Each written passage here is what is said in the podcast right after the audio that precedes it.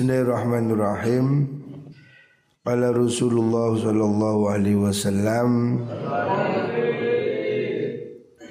Man qara'a idza sallama al-imam yaumal jum'ati qabla yusni rijlaihi Fatihah al-kitab wa qul wallahu ahad Manut sabani wong iku qara'a maca sapa man Barang siapa membaca. Ida salama nalikane uluk salam. Sopo al imamu imam. Siapa orang setelah salamnya imam Dalam hari Jumat maksudnya Yaumal Jum'ati ing dalam dino Jumat Siapa orang setelah salam sholat Jumat Qabla ayyusnya sak durungi yento ngelihakan utawa nyelonjoraken lijraihi ing sikil lurune man. Jadi dianjurkan wiritan setelah sholat Jumat sebelum kakinya berubah. Artinya posisi wiridnya itu seperti waktu tahiyat akhir.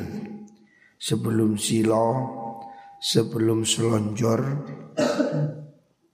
dianjurkan setelah imam salam pada hari Jumat. Bagi semuanya bagi makmum untuk membaca Fatihatul Kitabi ing Fatihatul Kitab. Supaya membaca suratul Fatihah. Fatihatul Kitab wa qul huwallahu ahad lan surat qul huwallahu ahad. Wa qul a'udzu birabbil falaq lan surat qul a'udzu birabbil falaq. Wa qul a'udzu birabbin nas. Sab'an sab'an kelawan pitu-pitu. Jadi ini anjurannya habis sholat Jumat baca Fatihah kulhu kul a'udzu birabbil falak kul a'udzu birabbin nas tujuh kali tujuh kali ya. Ini anjuran dari kanjeng Nabi. Siapa orang membaca ini habis Jumatan sebelum kakinya selonjor Fatihah kulhu al-falak an-nas tujuh kali Hufirah faedahnya Gufiro mongko den sepuro lahu Opo maduso takut dama kagus disi opo ma? Min dambihi sangking dosane Wamalan perkoro tak akhoro kang dati akhir opo ma? Jadi doanya diampunkan ke depan dan ke belakang Selama satu minggu. Makanya ini setelah Jumatan jangan keburu pergi. Anjuran dari Rasulullah Sallallahu Alaihi Wasallam baca Al-Fatihah, Suratul Ikhlas, Al-Falak dan An-Nas masing-masing tujuh kali. Itu biasanya masih dilakukan di masjid-masjid ya. Masjid NU masih ada wiridan itu itu pahalanya mengampunkan dosa. Diampuni dosanya seminggu ke depan dan ke belakang.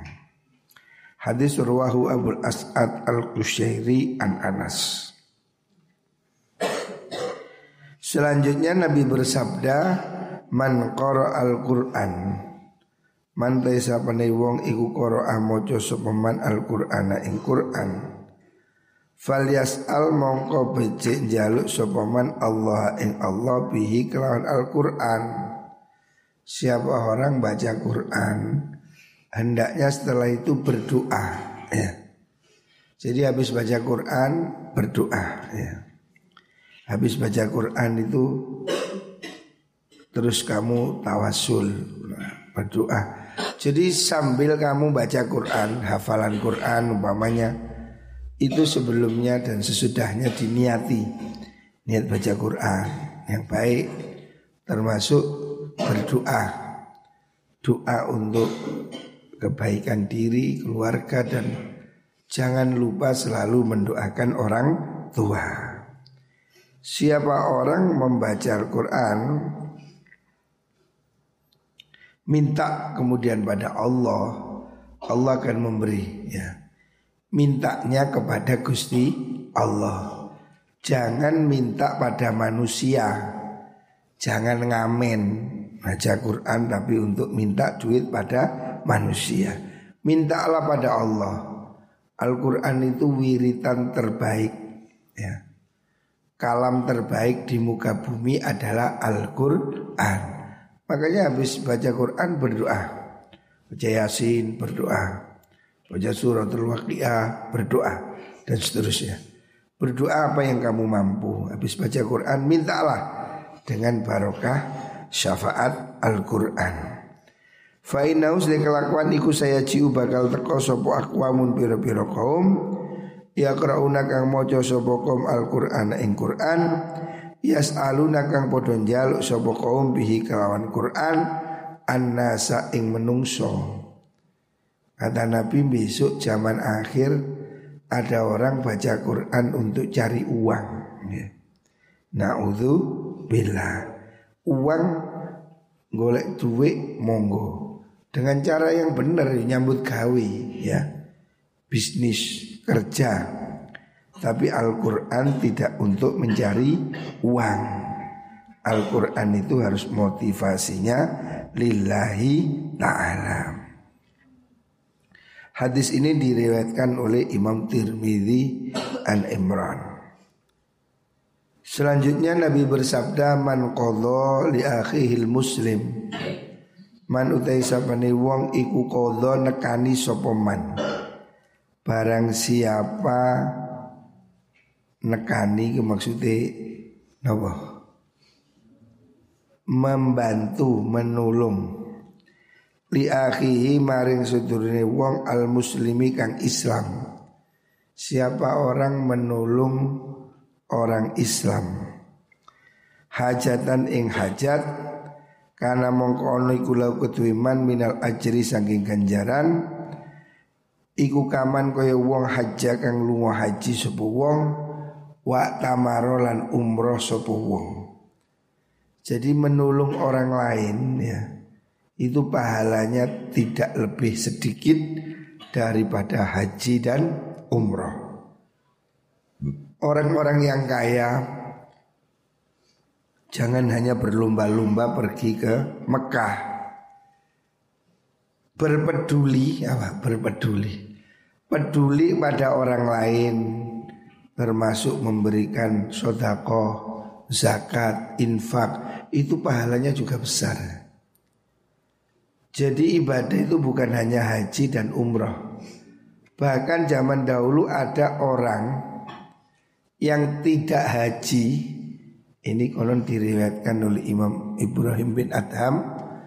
Ada orang mau naik haji batal, nggak jadi pergi. Gara-gara waktu dia mau pergi Itu istrinya mencium bau masakan enak Kok ada masakan kok seperti Ini apa sate Ikan panggang. Akhirnya istrinya ini Hamil istilahnya apa itu? Ngidam Minta pada suaminya Tolong itu lu tetangga masak enak saya mintakan dikit aja. Wong jadi wong ngidam. Ngidam kadang aneh-aneh. Ngidam kepingin mangan sepur ngidam lele belut apalah orang ngidam ini ada orang ngidam minta makanan tetangga seberang sana akhirnya suaminya memberanikan diri minta karena istrinya ngidam kamu masak apa Ternyata rumah yang masak itu milik orang miskin, tua, janda.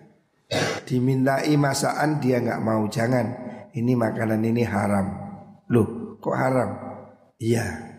Ini saya masak bangkai. Ada bangkai di sana saya ambil karena saya ini miskin, kelaparan, terpaksa makan bangkai. Jadi bangkai ini terpaksa saya masak untuk anak saya.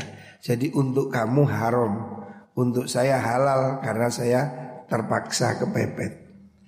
Mendengar begitu orang ini ternyuh. Ya Allah kok tetangga sampai makan bangkai. Maka dia kemudian tidak jadi pergi haji. Uangnya diberikan pada tetangganya yang kelaparan itu. Jadi dia nggak jadi haji. Tetapi Allah menerima amal itu sama dengan haji.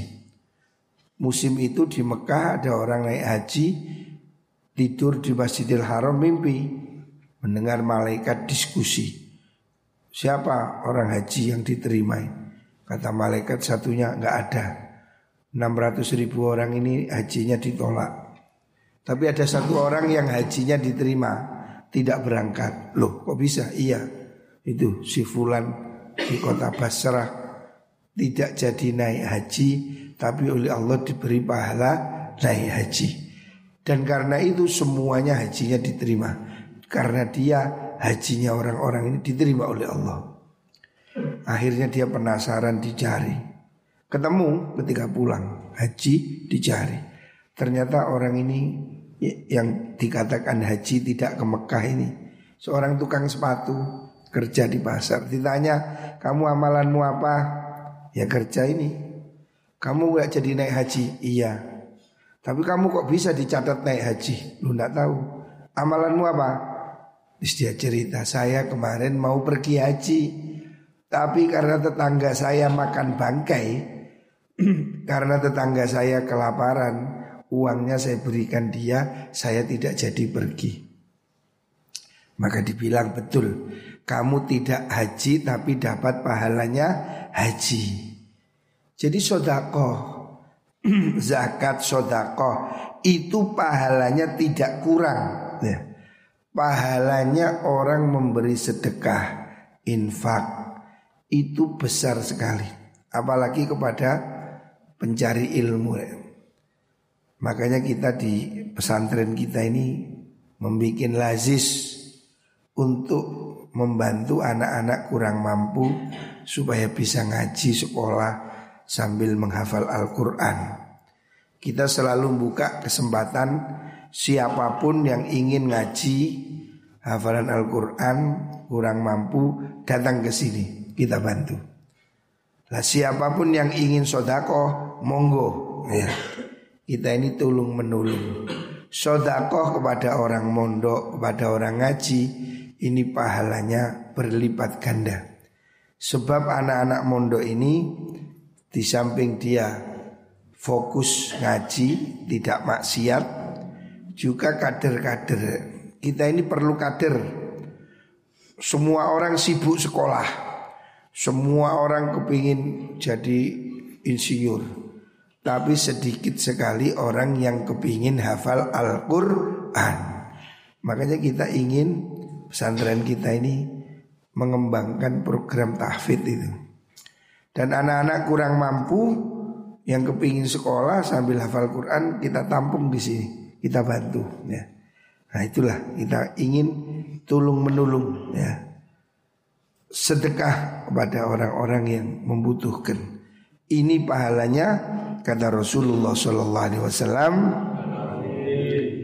itu seperti pahalanya haji dan umroh. Ya. Jadi sedekah itu jangan nunggu kaya. Ya. Sedekah jangan menunggu kaya. Walaupun kecil, Makanya kita ini nyiapkan omplong.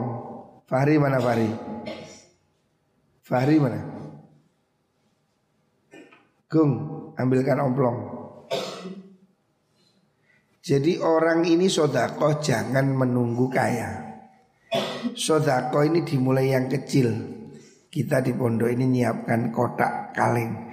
Ya, siapa orang kepingin sodako untuk beasiswa, nah, taruh di situ. Ya. Saya berharap pesantren ini semakin banyak bisa membantu orang lain. Anak-anak kurang mampu yang kepingin mondok harus kita bantu. Mas ini. Jadi kita ini tolong menolong. Kata Rasulullah Sallallahu Alaihi Wasallam, siapa menolong hajat orang lain maka pahalanya sama dengan haji dan umroh. Nah, makanya kita punya ini omflong ini. Jadi saya minta alumni-alumni dan siapa yang mau ini kita siapkan umplung ini. Ini kamu bawa ke rumahmu isi ojo duit gede-gede sewu klitik. Lima ratus klitik. Susu eterasi. Nah, masukkan sini. Jadi saya minta semua santri ini bawa ini. Orang tuamu supaya sodakoh. Sodakoh sambil diniati rek. Niati. Bismillah niat ingsun nyumbang program tahfidz Nah, muka-muka rezeki lancar. Nah, muka-muka oh siapa aja hajatnya cemplungan gini. Jadi ini saya juga di rumah saya ada ini, ini omplung, sisa belanja ini. Jadi sodako itu tidak harus kaya. Setiap hari kita bisa sodako. Kalau bisa setiap pagi sodako, ya. Ini yang kita harapkan bisa membuat satu kekuatan Supaya apa? Supaya kita bisa bantu orang-orang yang kepingin mondok yang kurang mampu itu. Ya. Jadi ini ini saya buat ini masih banyak ini ada seribu omplong. Nah. Jadi alumni santri yang kepingin sodakoh duit receh daripada diberikan di Indomaret atau Alfamaret itu kemarin ada berita teroris ternyata cari uang di swalayan-swalayan. Nah, daripada begitu, daripada diberikan teroris, nah, berikan santri aja ini. Teronis, ya, pemakan terong. nah, inilah gunanya untuk soda sodako. Ya. Insya Allah ya, sodako itu tidak akan mengurangi harta. Ini namanya lazis anur orang tua asuh santri yatim duafa penghafal Quran. Nah ini gunanya untuk itu. Saya kepingin semakin banyak orang ngaji hafalan Quran. Yang kurang mampu harus tetap dibantu supaya mereka bisa hafal Al-Quran. Terus bundi. Hadis ini rawahul khatib an Anas. Selanjutnya Rasulullah Shallallahu Alaihi Wasallam bersabda, "Man qatala litakuna kalimatullahi al ulya, fahuwa fi sabilillah." Man utai sapane wong iku qatala perangan sopoman litakuna supaya ono apa kalimatullahi? Agamane Allah kalimatullah. Iya ya kalimatullah iku al ulya kang luhur. Fahuwa mongkau taiman iku fi sabilillahi ing dalam jihad fi sabilillah. Siapa orang berjuang menegakkan kalimat Allah. Tidak harus perang ya. Konteks zaman dulu perang. Konteks hari ini memajukan pendidikan, membantu ekonomi orang-orang lemah. Ini juga bagian dari jihad visabilillah. Bagian dari perjuangan. Kita semua menjadi jihad mujahidin ya. Jihad di bidang apa? Pendidikan. Kita ingin anak-anak orang Islam harus maju. Jangan ada orang tidak sekolah. Sejak dulu pesantren kita ini tidak pernah nolak orang kepingin mondok. orang tidak mampu harus diberi kesempatan. Ya. Jadi pesantren kita ini harus peduli. Sekarang ini banyak pesantren tidak peduli mahal-mahal pesantren bertarif internasional hmm. masuknya 50 juta waduh itu ya sopo sing kuat kita ini alhamdulillah pesantren kita ini ya insya Allah sangat terjangkau dan harus mampu menolong siapa pun yang ingin mondok. Selanjutnya Qala Rasulullah sallallahu alaihi wasallam Man qatala Oh man qala hina yasma'un nida Man taisa wong iku kala ngucapaken sapa man? Hina yasma'u nalikan ing krungu sapa man an nidaa ing panggilan. Panggilan maksudnya panggilan azan Siapa orang berdoa setelah azan mengucapkan Allahumma rabb hadhihi da'wati tamah. Allahumma du Allah Rabb hadhi da'wati Pengerani ikilah dakwah at-tamati kang sempurna. Wassolati lan sholat al-qaimati kang den jumenengaken. Ati mugi nekani paring panjenengan Muhammad dan ing Nabi Muhammad sallallahu alaihi wasallam. Al wasilata ing wasilah lantaran. Wal fadilata lan keutamaan. Wa azhu mugi nange akan panjenengan hu ing kanjeng Nabi makoman ing derajat mahmud dan kang luhur alladzi wa'atahu kang wis janji tuan hu ing mengkono-mengkono. Kanjeng Nabi halak mongko tetep lahu ketuiman opo syafaati syafaat ingsun yaumal kiamati ing dalem dino kiamat. Hadis urwahu Jabir. Siapa orang barang siapa orang ya membaca doa setelah azan. Allahumma rabb hadhihi da'watin tama wassalatil ati sayyidana Muhammadan al-wasila. Wa azhu maqamam mahmuda. Alladhi wa'adta. Innaka la tukhliful mi'ad. Siapa orang membaca doa setelah azan kalau ada azan dengarkannya. Jangan ngecepret kalau kamu dengar suara azan. Dengarkan panggilan azan, hormati panggilan azan. Azan ini panggilan yang sakral. Azan itu panggilan untuk kebaikan. Kalau kamu handphonemu bunyi, handphone Tidudit, tidudit Pasti kamu angkat. Berarti ada yang penting. Kalau ada orang nilpun berarti dia penting. Harus diangkat ya. Loh azan ini juga penting. Panggilan dari Gusti Allah. Kalau panggilan manusia aja kamu dengar Kamu sedang enak-enak handphone muni Tidung, tidung, tidung Kamu angkat. Panggilan manusia kamu perhatikan apalagi panggilan dari Gusti Allah. Azan itu panggilan Allah. Hormati azan. Hormati panggilan azan. Jadi kalau azan, kalau kamu mendengar azan, dengarkan, jawab ya. Itu panggilan Tuhan. Panggilan dari Gusti Allah. Bahkan Imam Ghazali mengajarkan kalau dengar azan kamu itu takut ini seperti panggilan hari kiamat gitu loh. Jadi kamu harus hormat. Hormati panggilan azan ya. Hendaknya azan itu didengarkan, dijawab ya. Diperhatikan itu panggilan dari Gusti Allah. Dan azan itu tidak boleh diganti-ganti. Tidak usah ditambah-tambahi. Mau sih tambahi hayya alal jihad. Mau sih nambah hayya alal nikah suwe-suwe hayya alal wayuh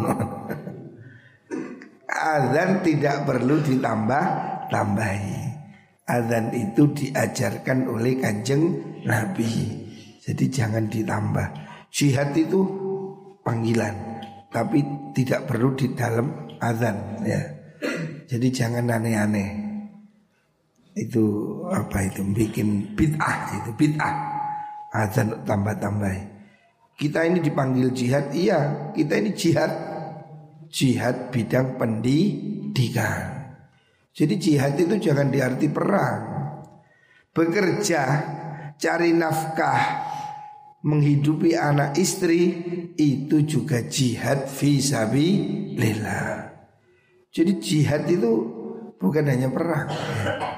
Jihad ekonomi. Kita sekarang jihad pendidikan Pesantren ini jihad. Kita ini jihad. Bagaimana orang Islam jangan bodoh. Orang Islam harus maju, pinter, sekolah, ngaji. Makanya kita ini concern. Pesantren kita ini tidak pernah menolak orang mondok. Semua orang harus bisa mondok. Nah, makanya inilah pentingnya kita berbagi. yang punya kerjaan, yang punya rezeki, ayo sodakoh. Gerakan seribu perak, seribu. Saya minta seribu saja. Ya. Jadi siapa pun yang mau, ayo gerakan seribu rupiah per hari. Seribu saja loh, kelinting, kelinting. Berarti ini kalau diisi seribu, sebulan isi berapa? 30 ribu Kalau ada seribu omplong Berarti ada 30 juta Lumayan deh Negara sih gue omplong gak ono ya. Besok nanti besok hari Jumat panggilan kamu minta omplong ya. Rungono, tul ikut turu sama. Kamu minta omplong ke kantor, berikan orang tuamu, mak, bu, ini omplong dari pondok untuk lazis Gerakan seribu rupiah per hari. Jadi ini kamu taruh di rumahmu Ibumu habis belanja seribu, seribu, seribu. Sudah Gerakan seribu per hari. Jadi saya ingin mengajak semua orang Islam Ayo gerakan seribu rupiah per hari. Untuk apa ini? Untuk anak-anak supaya bisa mondok. Kita menampung semua orang yang ingin mondok Khususnya yang ingin menghafal Al-Quran. Kita ajak ayo semuanya ngaji ya. Ini caranya ya. Caranya kita bikin gerakan seribu rupiah per hari. Muko-muko sing iki nyumbang nyumbang. Muko-muko dimudahkan rizkinya oleh Allah subhanahu wa ta'ala. Jadi ini kita gerakan seribu rupiah per hari. Bis. Seribu lu duit cilirek, rokok sak lencer berapa? Rokok satu util berapa? Dua ribu, masya Allah. Dua ribu disedot, terbakar, habis. Coba ditaruh di sini, ditaruh di sini untuk kita berikan beasiswa santri, untuk kita buat nulung orang-orang yang kurang mampu, Insya Allah barokah. Amin Allahumma Amin. Jadi siapa yang ingin sodakoh Gerakan seribu rupiah per hari. Omplongnya ada. Nah, Omplongnya sudah ada. Jadi ini omplong Kita siapkan Untuk membantu. Mungkin kamu kalau mau sodakoh seribu kan Saiki wong ngemisil kayak Daripada gitu kita kumpulkan di sini jadi semua alumni santri saya minta bawa ini. Kamu besok orang tuamu minta ini bawa. Sudah diisi saya ikhlasi. Duwe diisi kak duwe yo. Kak popo nah, diisi. Ada yang lucu kemarin itu. Ada alumni bawa ini, bawa omplung ini. Anjen wongi yo rotok guyon. Wongi rotok guyon. ini kan omplong tidak ada kuncinya. Ini omplong kan dicukit di belakang sini. Lah orang itu ke sini mau ngasih uang saya. Saya bilang udah kamu nggak usah ngasih saya uang. Ini tak kasih omplong aja isi ke sini, bawa pulang sudah dibawa. Suatu saat ke sini mau setor, setor kantor saya bilang itu uang lazis. Ya. Suatu saat lagi ke sini, Gus saya mau nyaur utang. Loh, nyaur utang apa? Itu kemarin omplongnya saya cukit saya buat beli rokok. Jadi yo Tidak ikat duit-duit dicukit. Gitu ku rokok. Yo balik no nang omplong tak bilang gitu. Nyaur nang aku? Nah, Nyaurin nang omplong. Nah, Itu kan nyaur nang omplong nah, gitu. Ya wongi rada rada lucu nah. Jadi ini tidak ada kuncinya. Ini ada omplong di belakangnya ada cukitannya. Jadi siapa yang mau nyumbang ini bawa pulang Nanti kalau sudah penuh dicukit sendiri, dikumpulkan, bawa ke kantor atau ditransfer lewat rekening. Ini ada nomor rekeningnya ya. Nomor rekening BNI, ada nomor rekening apa itu BRI Syariah. Intinya kita ingin mengajak semua orang berbagi ya. Ayo semuanya berbuat Kata Rasulullah Shallallahu Alaihi Wasallam, siapa orang menolong kebutuhan orang lain, ya, maka dia mendapatkan pahala seperti haji dan umroh. Jadi yang ingin naik haji, yang ingin umroh, belum punya uang, haji ke sini aja. Bismillah niat ingsun haji, belum. Barangkali barokahnya sodako ini bisa naik haji. Nah, Makanya ini semua santri, wali santri, siapa pun yang ingin berbagi, ini sudah saya siapkan omflong ini. Duit cili-cili eh, sewu, sewu gerakan seribu rupiah per hari. Bukan untuk saya, bukan. Ini untuk beasiswa santri ya. Jadi siapa pun boleh bawa ini ya. Siapa pun boleh bawa ini kita kirim luar kota mana pun silahkan. Nanti kalau sudah penuh cukup terus kirim ke rekening Lazis. Ini milik Lazis Anur daripada diberikan organisasi gak jelas gak jelas ya organisasi teroris dan macam-macam itu ya Insya Allah diberikan santri lebih bermanfaat. Muka-muka semua dimudahkan rizkinya oleh Allah subhanahu wa ta'ala. Muka-muka dilindungi dari kuruna Amin Allahumma amin